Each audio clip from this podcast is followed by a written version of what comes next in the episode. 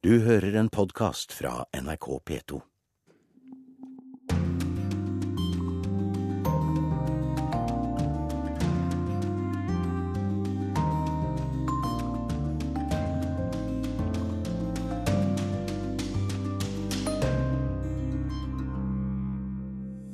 e non bisogna aspettare di collezionare altre migliaia e migliaia di morti per poter intervenire su quello che è il moderno olocausto del nostro tempo.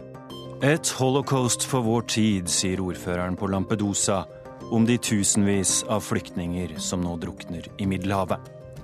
Men den enes død er den andres brød. Menneskesmuglerne presser familiene for penger, for kanskje å la deres flyktning overleve. it is very difficult to get $10,000. Hva har Kim Kardashian, pave Frans og et torg i København til felles? Svaret er 100 år gammelt og skal bare kanskje kalles et folkemord. Og vår USA-korrespondent har fått nok av den amerikanske mannens ereksjonsproblemer. Og kvinnene, ja, de er bare helt klare for en hyrdestund, legger sine hoder på mennenes skuldre, og hva vet jeg, kanskje venter de tålmodig på at potensmedisinen skal virke? Velkommen til et høypotent Urix på lørdag. Jeg heter Tore Moland.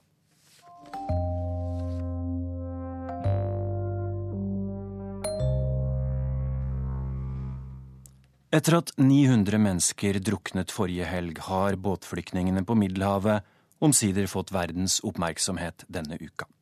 Men politiske toppmøter og alle fjernsynskameraene til tross, ute på havet er flyktningene fortsatt overlatt til seg sjøl og til menneskesmuglerne.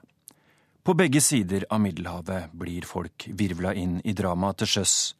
Urix på lørdag har møtt noen av dem. Vi begynner på den italienske øya Lampedusa. Poi avendo vissuto la tragedia del 3 ottobre, onestamente mi ha toccato tantissimo. Hjertet mitt begynte å dunke hardt, Tanto, tanto. spesielt fordi jeg opplevde 3. oktober, sier Carmine Mena. Optikeren har fått en ny kunde i butikken. En mann trenger hjelp til et par briller der det ene glasset faller ut. Det er noe Mena klarer å håndtere, men hver gang en flyktningebåt kantrer, kommer marerittet tilbake. Det han opplevde den morgenen han bare kaller 3. oktober. E.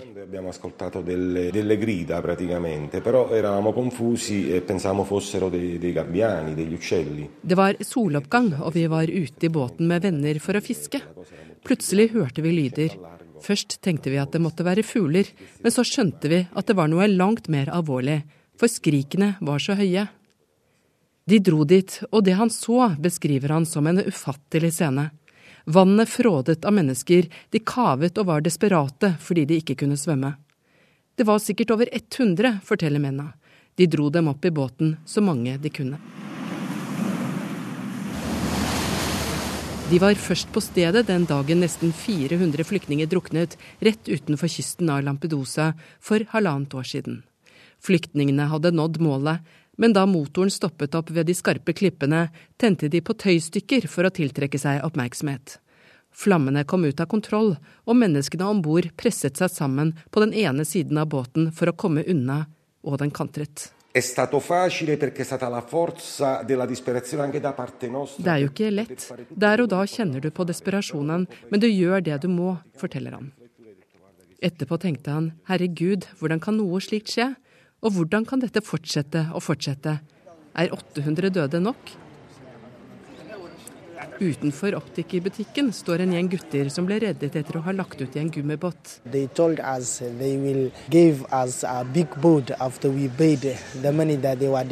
Eh? De sa vi skulle få dra i en stor båt etter at vi hadde betalt, og ba oss dytte ut noen gummibåter fra stranden.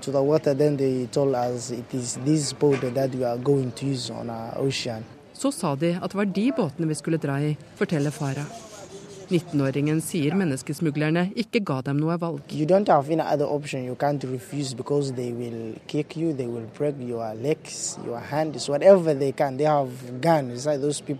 Men i heten fra solen sprakk båten. People started running up and down. Children were crying, women were shouting.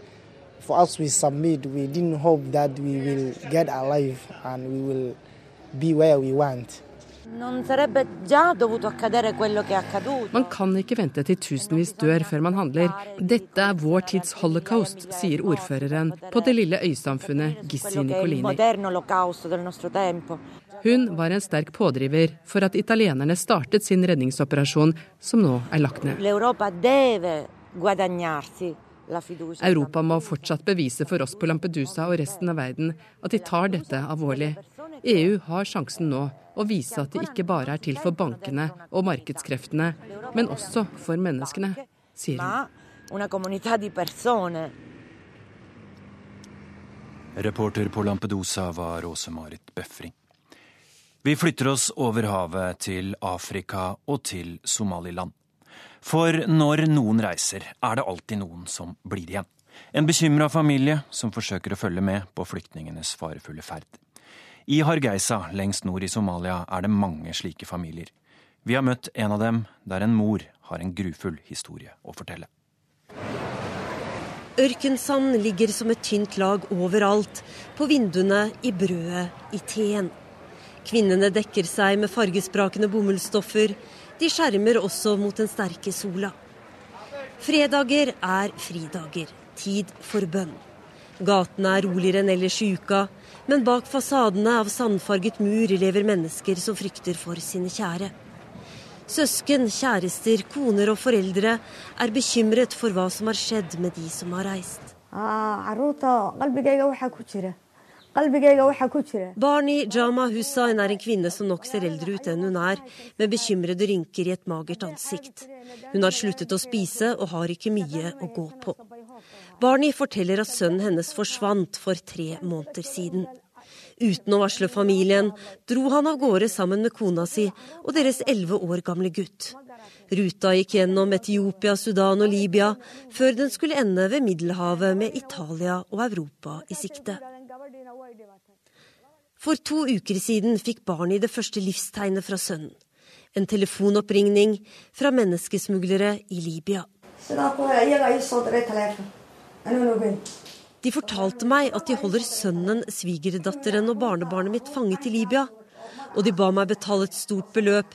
Men jeg er en eldre kvinne nå og eier nesten ingenting. Barni har ikke klart å betale det menneskesmuglerne forlangte. Og for fem dager siden fikk hun en ny oppringning. De sier at de har drept henne. Svigerdatteren min, sier Barney og ser ned. Hun forteller at svigerdatteren var gravid. Det furete ansiktet blir tårevått. Nå truer de med å drepe sønnen og barnebarnet mitt hvis ikke jeg betaler 10 000 dollar. Barney gjør som mange andre i samme situasjon i Hargeisa. Hun går til hver og en i storfamilien og ber dem om å bidra. Beløpet øker dag for dag, men det er fortsatt langt igjen til 10 000 dollar eller 80 000 norske kroner. Last night, they contact me. They are asking me at what time that I am going to send the money. I går kveld ringte menneskesmuglerne til meg, forteller Nor Adam Abdallak. En mann med et fast bekymret blikk under den hvite turbanen. Han er onkel til 28-åringen som sitter fanget i Libya med sin sønn. Oh,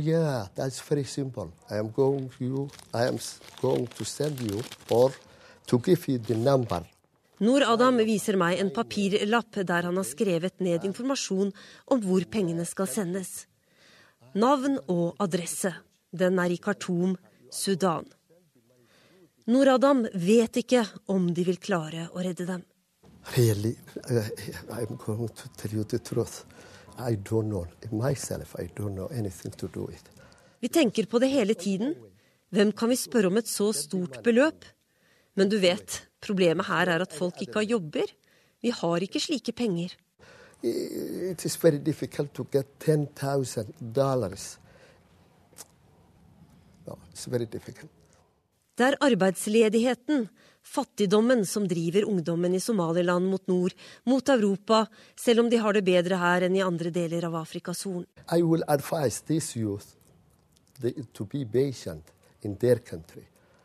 Noradam ber ungdommen å være tålmodig. Ikke reis, ikke utsett deg selv for fare og dine slektninger for lidelse. Løft blikket. Det finnes en framtid her i Somaliland. Og det sier mannen som får hjertet i halsen hver gang telefonen ringer. Kristine Presthun fra Hargeisa i den selverklærte republikken Somaliland på Afrikas Horn. Og et sted midt imellom der flyktningene reiser fra og dit de ønsker seg.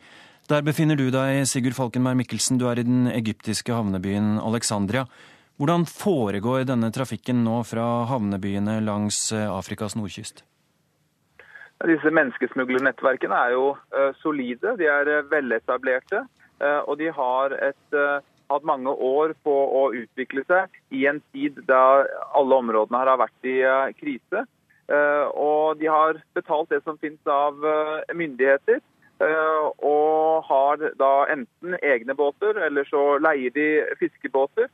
Og de flyktningene som ønsker å krysse, de har tatt kontakt de har betalt eh, de pengene som eh, menneskesmuglerne har krevet, i de tilfellene det går greit, i hvert fall. Eh, og får beskjed noen dager i forveien om å gjøre seg klare, og så legger de da ut på nattestid fra havnebyene rundt om i Middelhavet med retning Italia, eventuelt Hellas. Den trafikken er jo i sin natur lovløs, men har den blitt mer kaotisk nå i en politisk og økonomisk og sosialt urolig situasjon i Nord-Afrika? Ja, Det er ikke noe tvil om at uh, dette har akselerert uh, eh, pga. Uh, alt som har hendt her uh, de siste tre årene. Om ikke annet så er det Syria gjort at det har kommet hundretusener av nye flyktninger til disse områdene. Og så har selvfølgelig Libyas kollaps bidratt til at menneskesmuglerne har mer eller mindre frie hender i Libya. Sånn at alt det som har skjedd i etterkant av den arabiske våren, er med på å forklare det som vi nå ser i Middelhavet. Og er det da bedre eh, i hermetegn å være båtflyktning fra Alexandria der du er, enn en f.eks. Libya, som vi hørte om i reportasjen? Det er nok litt mer eh, ordnede forhold, hvis jeg kan si det slik, eh, i Alexandria. Det er ikke så lovløst som i Libya. Og så er også regnet som Middelhavet for noe tryggere selve sjøreisen herfra sammenlignet med havnebyene i Libya. Eh, og jeg tror også at farkostene her er noe tryggere. I hvert fall regnes det slik, men det er ikke noe garanti herfra heller. Eh, jeg traff en eh, far i Gaza for et par måneder siden som hadde mistet sønnen sin på havet. Og han reiste ut her fra Alexandria med drømmen om å komme til Europa, han også.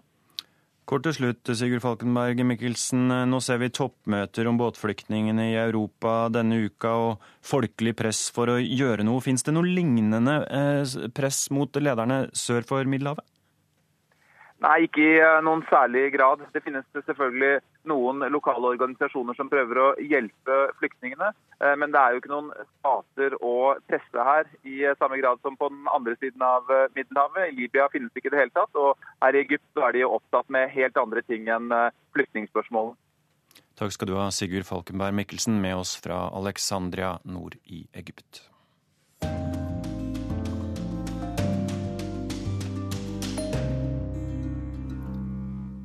Det jevneste britiske parlamentsvalget på svært, svært lenge er mindre enn to uker unna.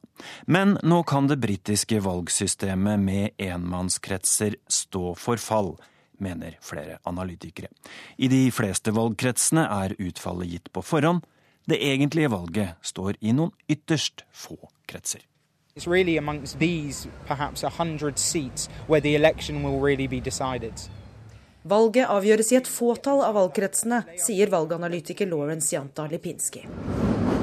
Vi bestemmer oss for å dra til den jevneste av alle de 650 kretsene til Hampstead and Kilburn i London.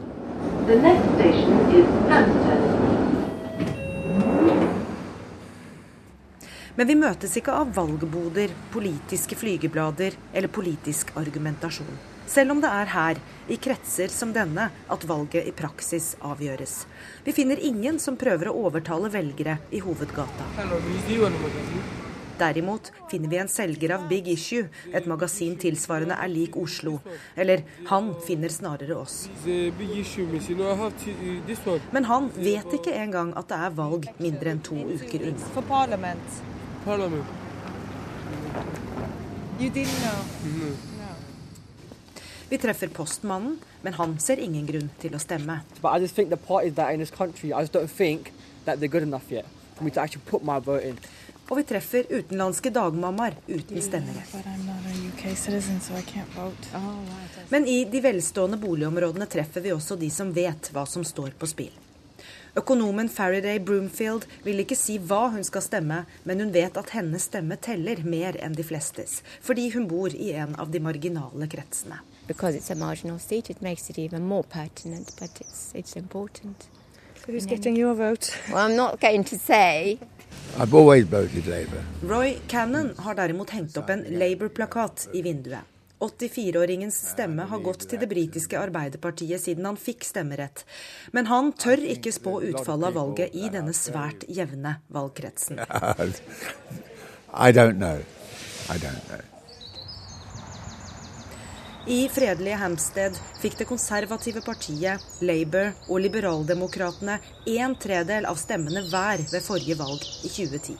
Bare 800 stemmer skilte tredjeplassen fra førsteplassen. Labour tok til slutt seieren og har hatt parlamentsplassen for dette området de siste fem årene. Men dette systemet kan få merkelige utslag. Med dagens meningsmålinger ligger det britiske uavhengighetspartiet UKIP an til å få dobbelt så mange stemmer som liberaldemokratene. Likevel viser beregninger at liberaldemokratene kan få 28 plasser i parlamentet, mens UKIP bare får to eller kanskje tre.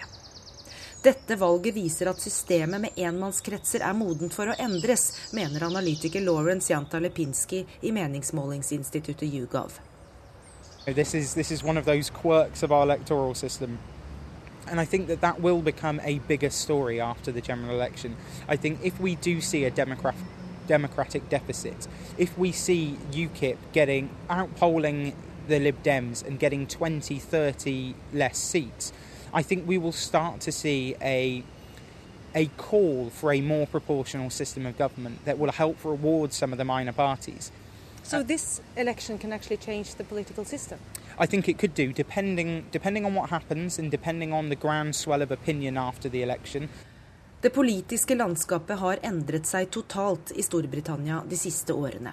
Hele sju partier deltar i valgkampen i et system som er basert på at det er to store partier det handler om, det konservative og Labour.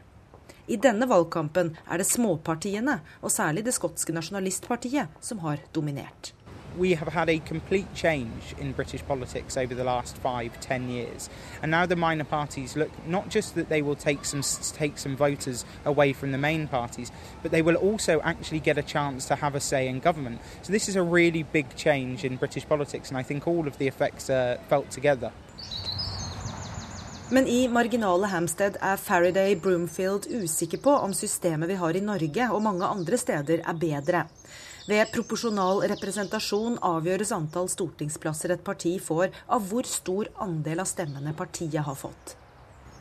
You do need to have a government to be strong enough to deal with issues. And constantly jerking from one party to another, as in many of the countries that have proportional representation, that's not a good outcome and it's not good if if all the economies were on track and were growing and that was an engine that was just ongoing, that would be fine. But because they're not, uh, I think that at this point proportional representation will not be a good thing. Faraday Broomfield til reporter Gry Blekastad Almås i valgkretsen Hampstead Kilburn i London. Jan Erik Mustad, Storbritannia kjenner ved Universitetet i Agder, med oss fra Kristiansand. Er det britiske valgsystemet med flertallsvalg i enmannskretser modent for fornyelse? Ja, sånn som vi har sett eh, denne valgkampen her, og har sett utviklingen de siste årene, så må jeg si meg enig i, i denne analytikeren fra London, som nå sier at det blir et demokratisk underskudd når vi ikke bare har syv partier, men vi har også fire partier i Nord-Irland som er relativt store.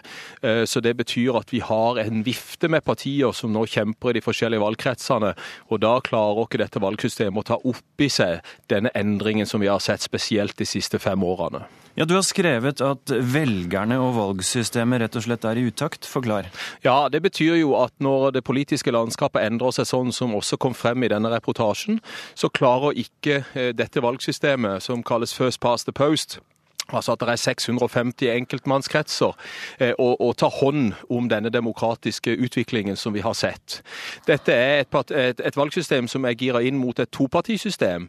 Eh, og Hvis vi går tilbake igjen i etterkrigstida, på 50-tallet f.eks., som jeg også skriver i denne kronikken som var i Aftenposten for, for et par uker siden, eh, så stemte over 90% på de to store partiene. Nå ser vi på meningsmålinger at det er drøyt 60 som, eh, som, gir sin tilslutning til de to store.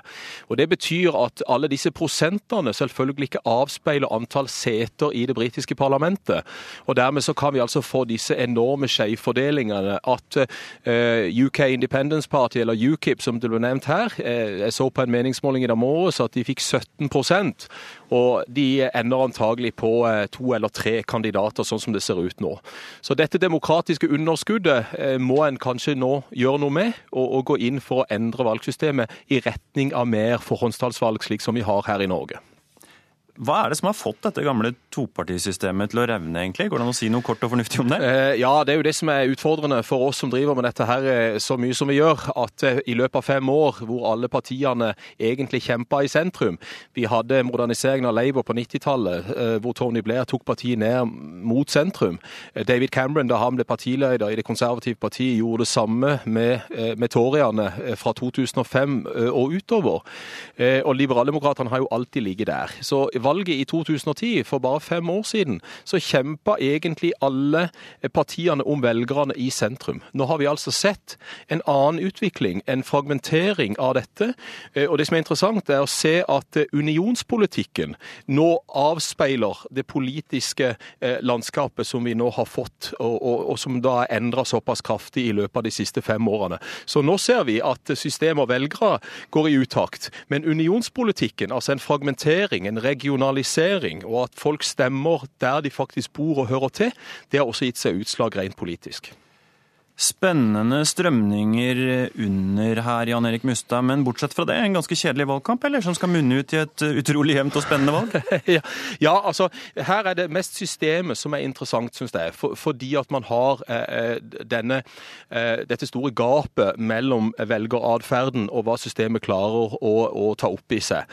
Eh, når det gjelder partipolitiske saker, så er det jo økonomien som igjen er det viktigste. Vi har en slags stagnasjon i meningsmålingene, det er lite bevegelse.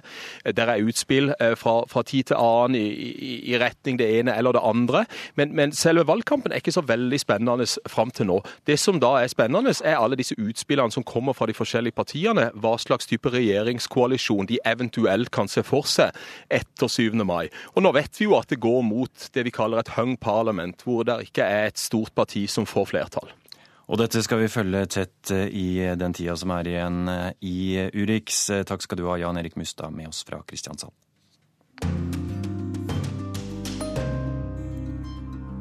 Du lytter til Urix på lørdag. Klokka nærmer seg halv tolv, og det har vært et kraftig jordskjelv i Nepal i dag, kollega Arild Svalbjørg. Ja, eh, Det siste vi har fått vite om dette jordskjelvet, er at det er minst 120 omkomne, ifølge landets eh, innenriksdepartement. Eh, tidligere, inntil for få minutter siden, så var det bare bekreftet tre døde. Men samtidig så snakket vi bl.a. med et ektepar i, som hadde kjørt bil inn mot Katmandu. De så bygninger rase sammen rundt seg. Det er eh, også det, mm, et av de kjente landemerkene i Katmandu, det historiske Darara-tårnet fra 1830-tallet. Ni etasjer høyt. Det har rast sammen.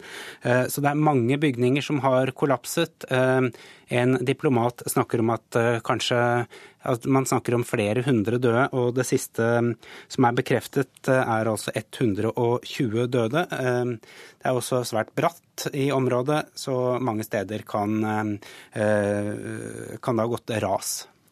Og mer om dette blir det selvfølgelig i nyhetssendingene våre utover dagen og på nrk.no. Denne helga er preget av at det er 100 år siden folkemordet mot armenere begynte. Eller var det et folkemord? Det er fortsatt strid om hva man skal kalle det osmanske rikets massedrap på armenere, og om hvor mange som egentlig ble drept. Anette Groth har prøvd å sette seg inn i historien. Hodet er fremdeles klart. 105 år gamle Kosrov Frangian spiller backgammon med barnebarnet. Han var bare fem år gammel i 1915, men han husker det som skjedde.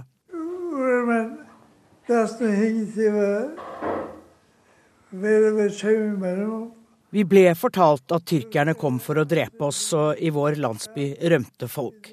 Mange til Midtøsten, sier 105 år gamle Kosrov Frangian.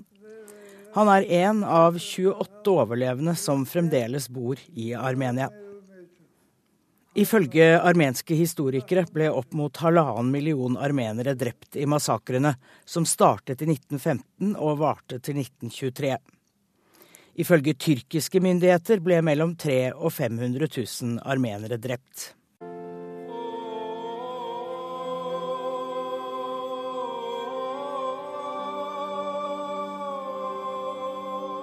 Pave Frans leder en flokk armenske kirkeledere oppover midtgangen i Peterskirken. Paven er i ferd med å gi armenerne en støtte de har lengtet etter. Han snakker om menneskelige tragedier på 1900-tallet. La prima quella che generalmente viene considerata come il primo genocidio del XX secolo. Den første store tragedien, som de aller fleste ser på som det 20. århundres første folkemord, rammet dere og deres folk, sier pave Frans til de armenske kirkelederne. På gatene i Armenias hovedstad Jerevan blir budskapet til paven tatt imot med lettelse og begeistring.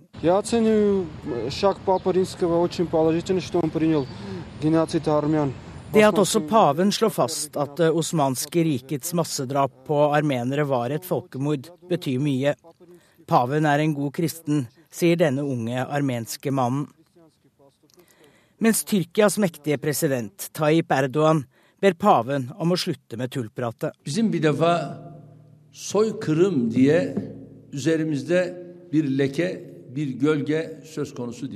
Det er helt utelukket at Tyrkia noensinne har begått folkemord, sier Tyrkias president Erdogan.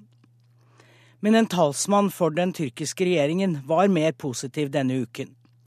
Han anerkjente at armenere led i det osmanske riket, selv om innrømmelsen av folkemord er langt unna. Det får den armenske politikeren Tevan Pogosjan i Jerevan til å fatte håp. One day Turkey would also be in the list of the countries who would be recognizing Armenian genocide.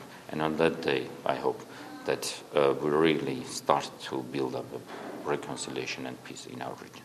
Jeg tror at Tyrkia en dag vil være blant dem som anerkjenner at armenerne ble utsatt for folkemord, og hvis den dagen kommer, kan vi starte en forsoningsprosess i vår del av verden, sier den armenske politikeren Tevan Pogosjan. De går fullstendig amok, menneskemengdene som har samlet seg utenfor den armenske kirken i Jerusalem. Kvinnen de hyler etter, heter Kim Kardashian, amerikansk reality-stjerne. Hun er av armensk avstamning og har vist den siste tiden at hun er opptatt av armenernes historie. Til den armenske kirken i Jerusalem kommer hun med sin lille datter og en søster. Erkebiskopen i den armenske kirken vet ikke helt hva som har truffet ham. All I know that she's a famous personality. I don't know her in person. In any case, she's welcome with her family. Alt jeg vet, er at hun er verdensberømt. Jeg kjenner henne ikke, men hun er velkommen her med familien sin, sier erkebiskop Aris Shivanian i den armenske kirken i Jerusalem. Det er mange som er begeistret for at Kim Kardashian nå vier seg til armenernes sak. I USA bor det mange av armensk avstamning, som det gjør i resten av verden. Kim Kardashian, I mean, it's amazing what she did. In four days, she got awareness that we have been trying for many years, but I hope she still continues to, you know, show her identity as an Armenian. Det er utrolig hvilken oppmerksomhet Kim Kardashian skaper rundt vår sak, sier amerikansk-armenske Alina Surfasian i Burbank, California. Alina håper at reality-stjernen fortsetter å dyrke sin armenske identitet, slik at hun kan bidra til at armenernes tragedie aldri blir glemt. Bård Larsen, du er historiker i Civita med det armenske folkemordet som spesiale, og du er i Armenias hovedstad Jerevan. Hvordan markeres denne hundreårsdagen der? Det markeres eh, massivt over hele landet. Det er, eh, her i Jerevan i hovedstaden så har det vært en tre dager lang konferanse eh, med forskere og historikere, ulike fagfolk, journalister osv. Som, som har gått i dybden på folkemordet, og hvor det også har vært en del sånn proklamasjoner og og i tillegg eh, høy internasjonal kjendisfaktor med Kim Kardashian, eh, George Clooney, eh, System of a Down med sanger fra Armenia. Er dette for å gi PR? Det kan du godt si at det er. Men det er noe med at denne situasjonen her er såpass kompleks. Og folkemordet brukes jo av regjeringen her, helt åpenbart, som nasjonalt lim. Men det er også en genuin altså Møter du en armener, så er dette helt, helt sentralt både identitetsmessig.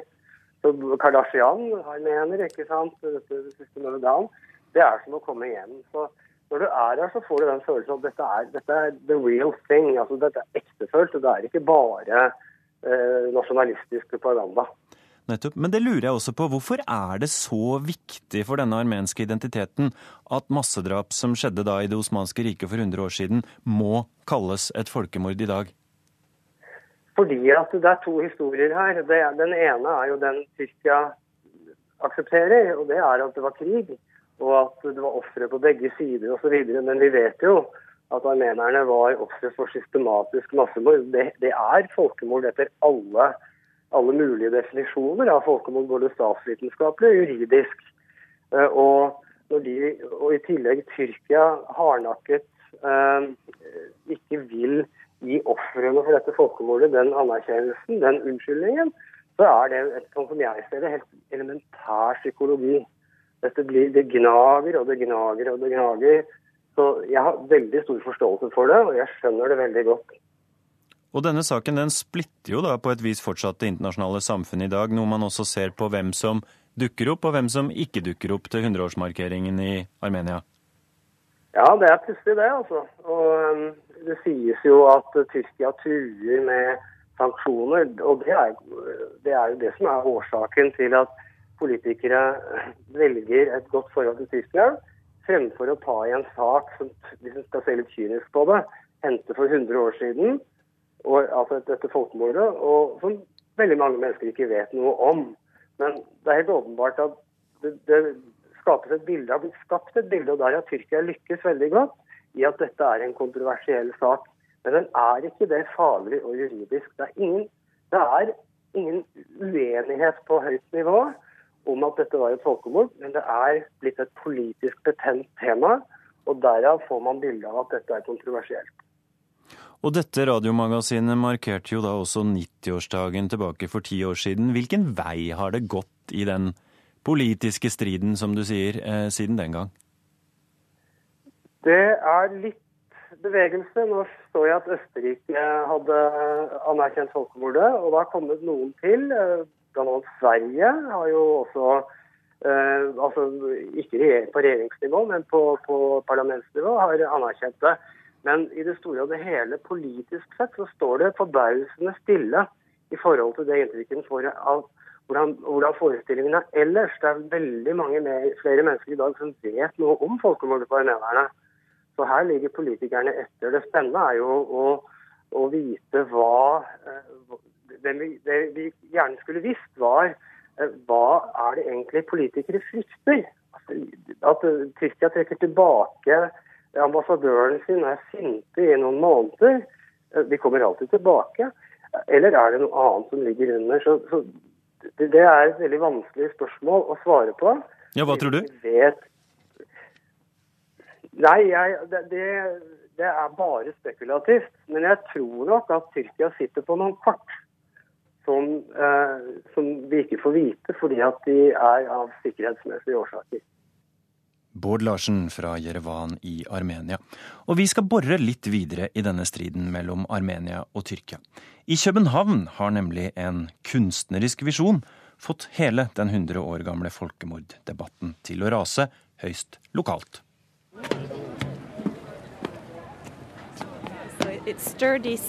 Yeah, it's, uh, it's. Harvard-professor og arkitekt Alan Sayer er i København for å planlegge den armenske minneskulpturen han har designa. I slutten av mai skal den ti meter høye skulpturen settes opp på den store plattforma midt på Kulltorvet i København. And this is an aerial view. You see the flowers and the people sitting around it. So how many flowers? Blue forget-me-nots. Forget-me-nots, uh, thousands.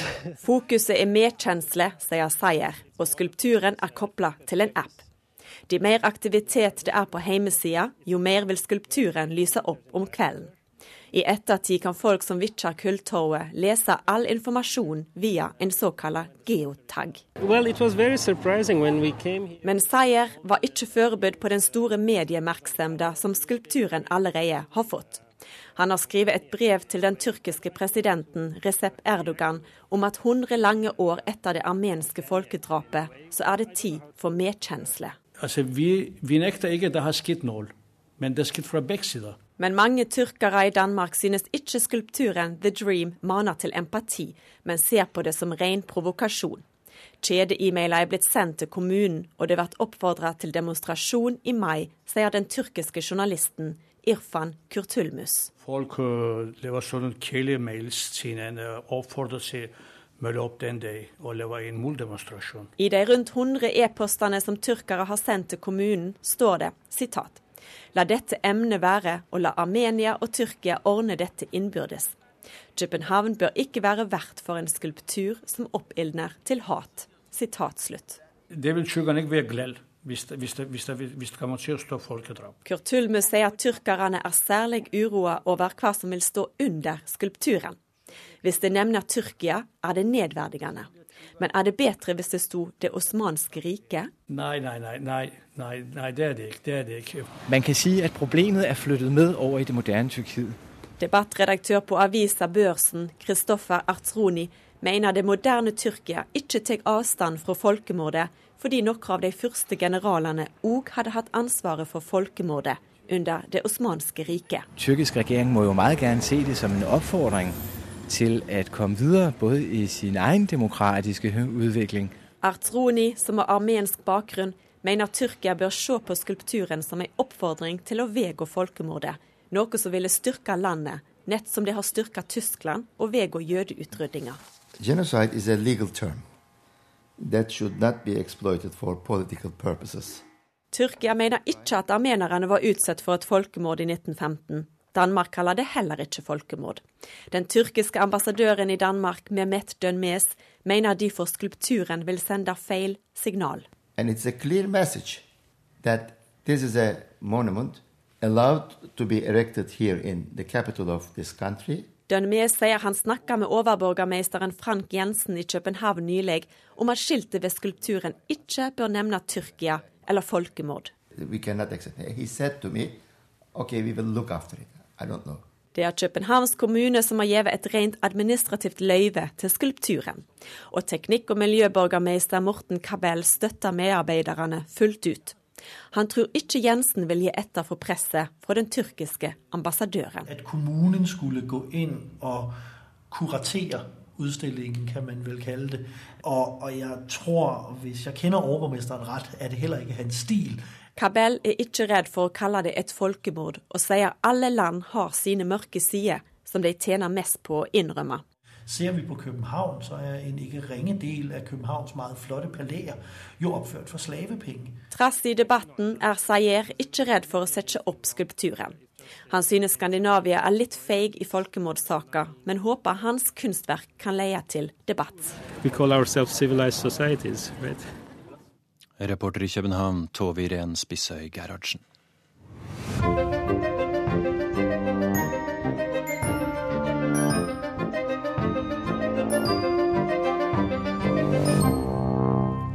Tirsdag til uka drar EUs ledere til Kiev for å være med på en stor støttekonferanse for Ukraina.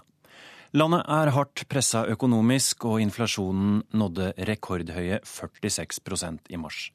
Da tar en viktig yrkesgruppe til gatene for å protestere, forteller korrespondent Morten Jentoft fra Ukraina.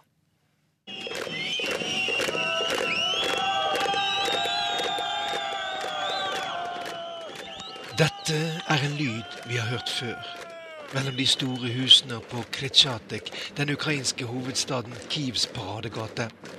Gruvearbeidere som slår sine hjelmer i bakken mens de roper 'skam, skam', og holder opp faner der det står at det ikke er noe Ukraina uten gruvene. Gruvearbeiderne har helt siden Ukraina ble en selvstendig nasjon i 1991 med jevne mellomrom inntatt Kievs gater. Samtidig som meldinger om alvorlige ulykker i gruvene har fortalt hvor farlig arbeidet deres er. Senest i mars ble 34 gruvearbeidere drept i en gruve i Danetsk. Vi er her for å vise vår misnøye med hvordan gruveindustrien i Ukraina ledes og drives på, sier Aleksandr, mens han går med bestemte skritt nedover Kritsjatik i retning det ukrainske gruvedepartementet. Det er viktig at staten forstår betydningen av gruvene og oss. Ukraina er helt avhengig av energien som man får fra kullgruvene, sier Aleksander fra Dnipropetrovsk fylke. Mye politi er utkommandert i gatene. Stemningen i den ukrainske hovedstaden er fra før spent etter to politiske mord uken før, og rykter om provokasjoner før markeringen av at det er 70 år siden avslutningen av annen verdenskrig Og i øst fortsetter kampene mellom regjeringsstyrkene og russiskstøttede separatister. Men gruvearbeiderne som er kommet til Kiev, mener de har rett til å si ifra. Это да, очень сложное. Но это не дает права ja, Situasjonen er svært vanskelig for Ukraina nå, innrømmer Juri fra Pavlograd, også inne på Petrovsk fylke, sørøst i Ukraina. Men vi som bor i den relativt fredelige delen av landet, må ha rett til å kreve levelige vilkår. Det handler om at gruveindustrien må ledes på en annen måte. Og det må settes inn kompetente folk i ledelsen, og de finnes, mener Juri. Men han vet at han kjemper en tøff kamp akkurat nå. Tidligere denne uken kunngjorde den ukrainske energiministeren Volodymyr Demtsjysjin at elleve av landets gruver må stenges. Hva skal jeg si? Lønningene kommer hele tiden for seint, sier Alexander under den tradisjonelle oransje hjelmen som alle gruvearbeidere innenfor det tidligere Sovjetunionen er kjent for. Vi har en utestående gjeld på åtte milliarder griven, sier Alexander, som selv fikk utbetalt lønn nå i mars. Men for gruvearbeiderne ligger den på ca. 200 euro, eller under 2000 norske kroner i måneden. Og selv om prisnivået i Ukraina ligger betydelig under det norske, så er det svært mange mennesker i Ukraina som nå lever på et minimum. Igjen ble folk avhengig av de små hageflekkene som de fleste familier har tilgang til, og som kan gjøre at de kan lagre opp mat for vinteren. Dveri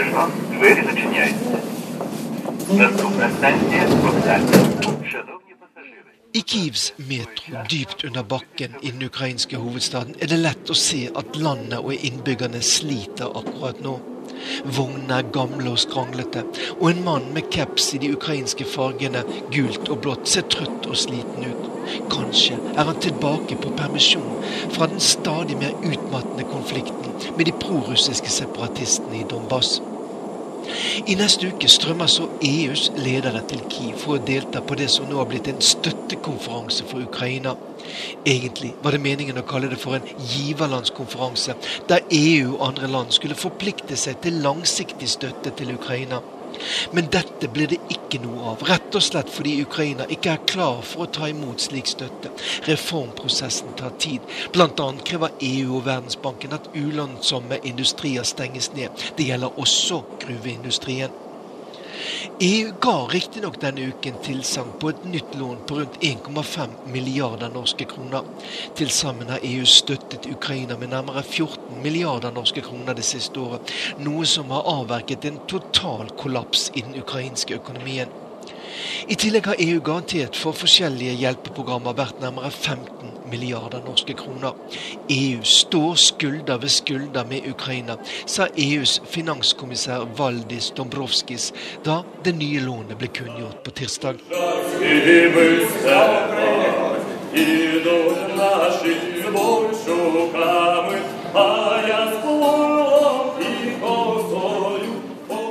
Oppe ved inngangen til metrostasjonen på Kretsjatek står en mann i militæruniform og synger og spiller gitar. Flere av dem som står rundt oss, stemmer i. Dette er tydeligvis musikk som mange kjenner. Hei, hei, vi i поле, степ широкий, стерня поле. Це були козацькі пісні. Ага. Це були традиціональні українські пісні. Патріотичні козацькі пісні. Ja, dette er patriotiske folkesanger, forteller Bogdan meg, som sier at han opptrer ganske ofte her for å tjene penger. Dette er ikke en innsamling til soldatene ved fronten, forteller Bogdan. Nei, jeg er volontær. Jeg har ikke vært ved fronten, sier Bogdan, som har klippet håret slik at det er en lang pannelugg og kort langs ørene. En stil som er inspirert av de gamle kosakkene, og som også har blitt populær blant dem som nå slåss for ukrainsk selvstendighet. Jeg har jobbet som frivillig og hjulpet med transport og innsamling, sier Bogdan, mens han stemmer i med en ny sang tilegnet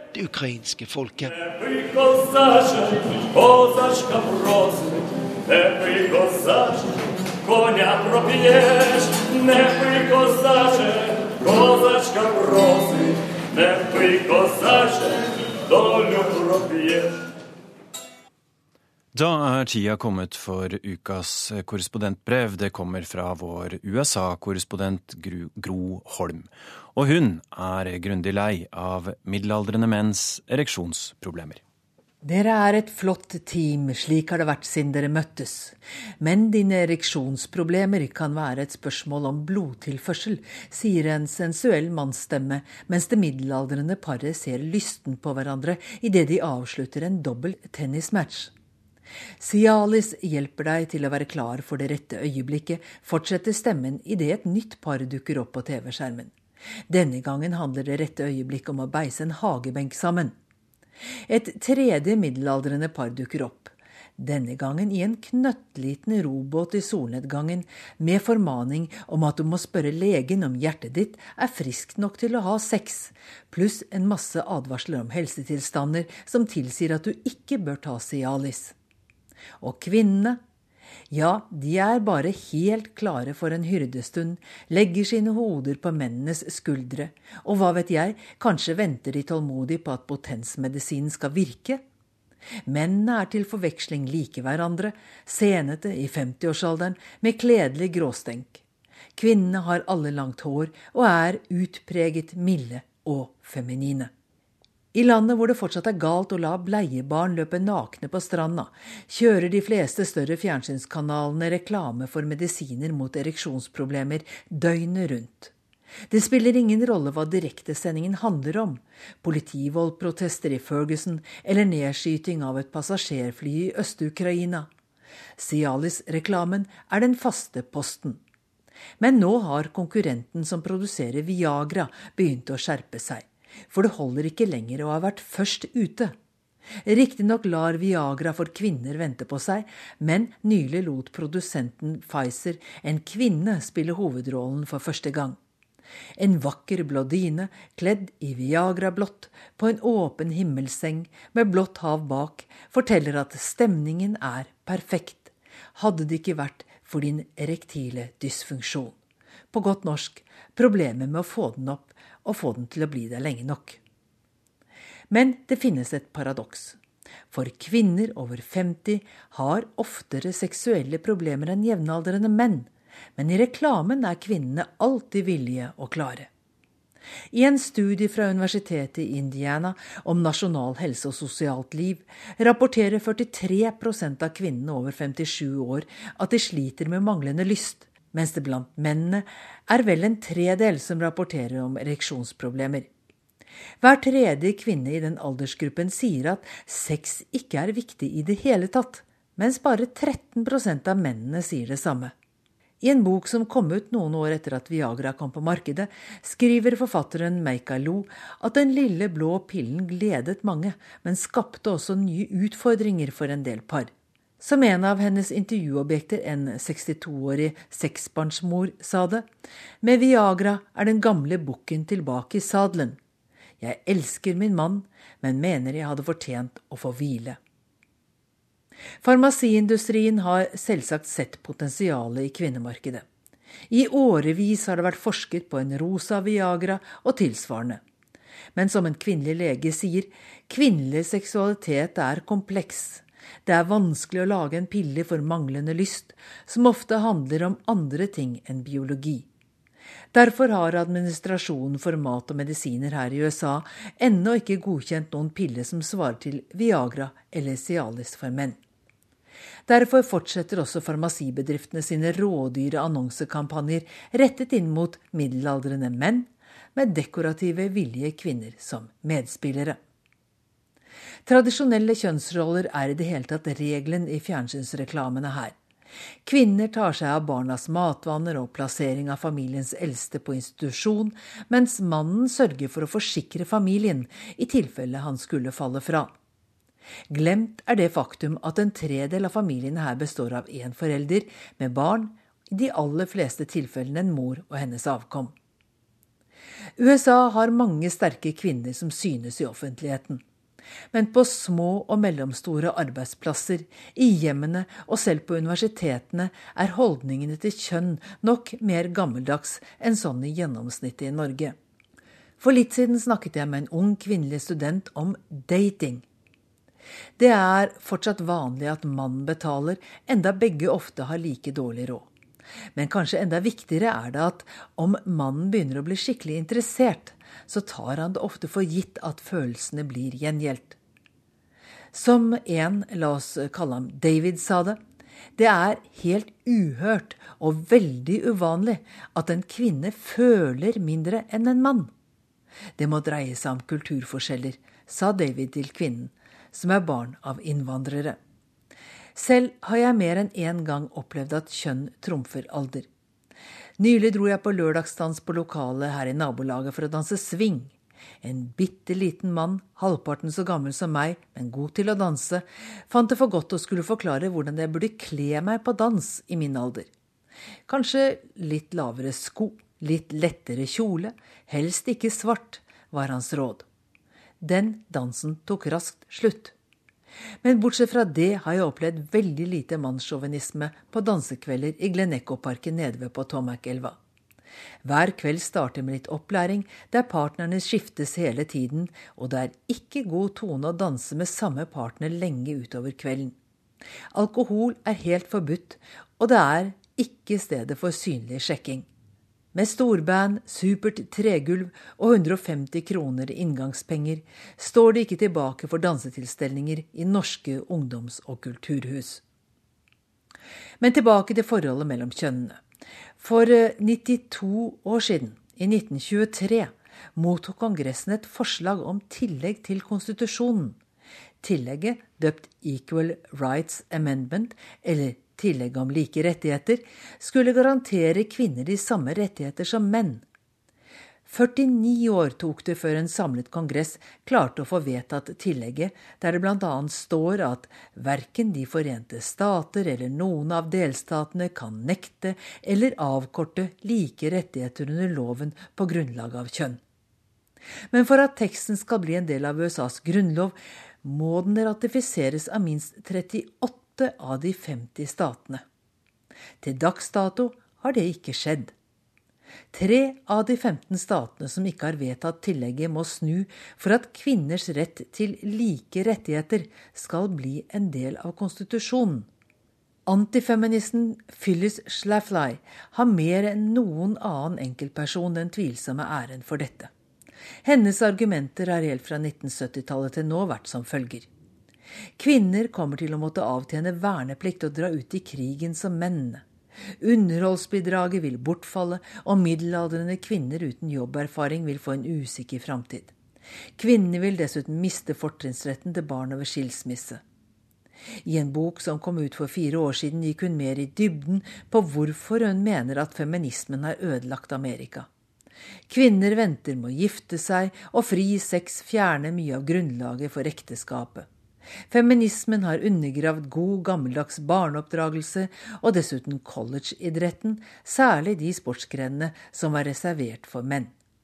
Endelig har feminismen gjort menn til kraftløse pyser som ikke tør å si fra av redsel for å bli kalt sjåvinister.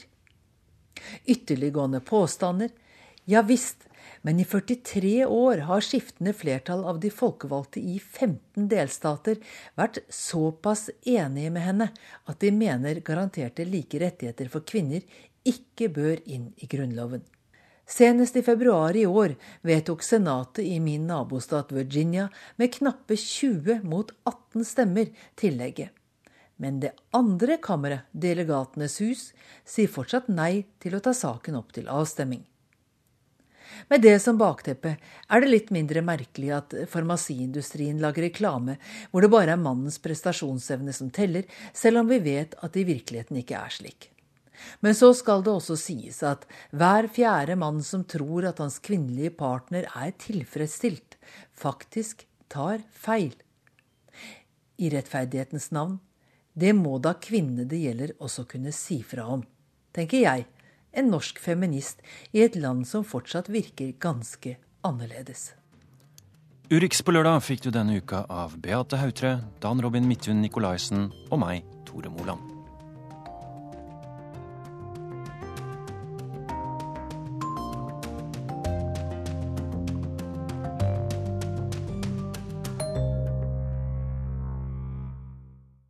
Du har hørt en podkast fra NRK P2.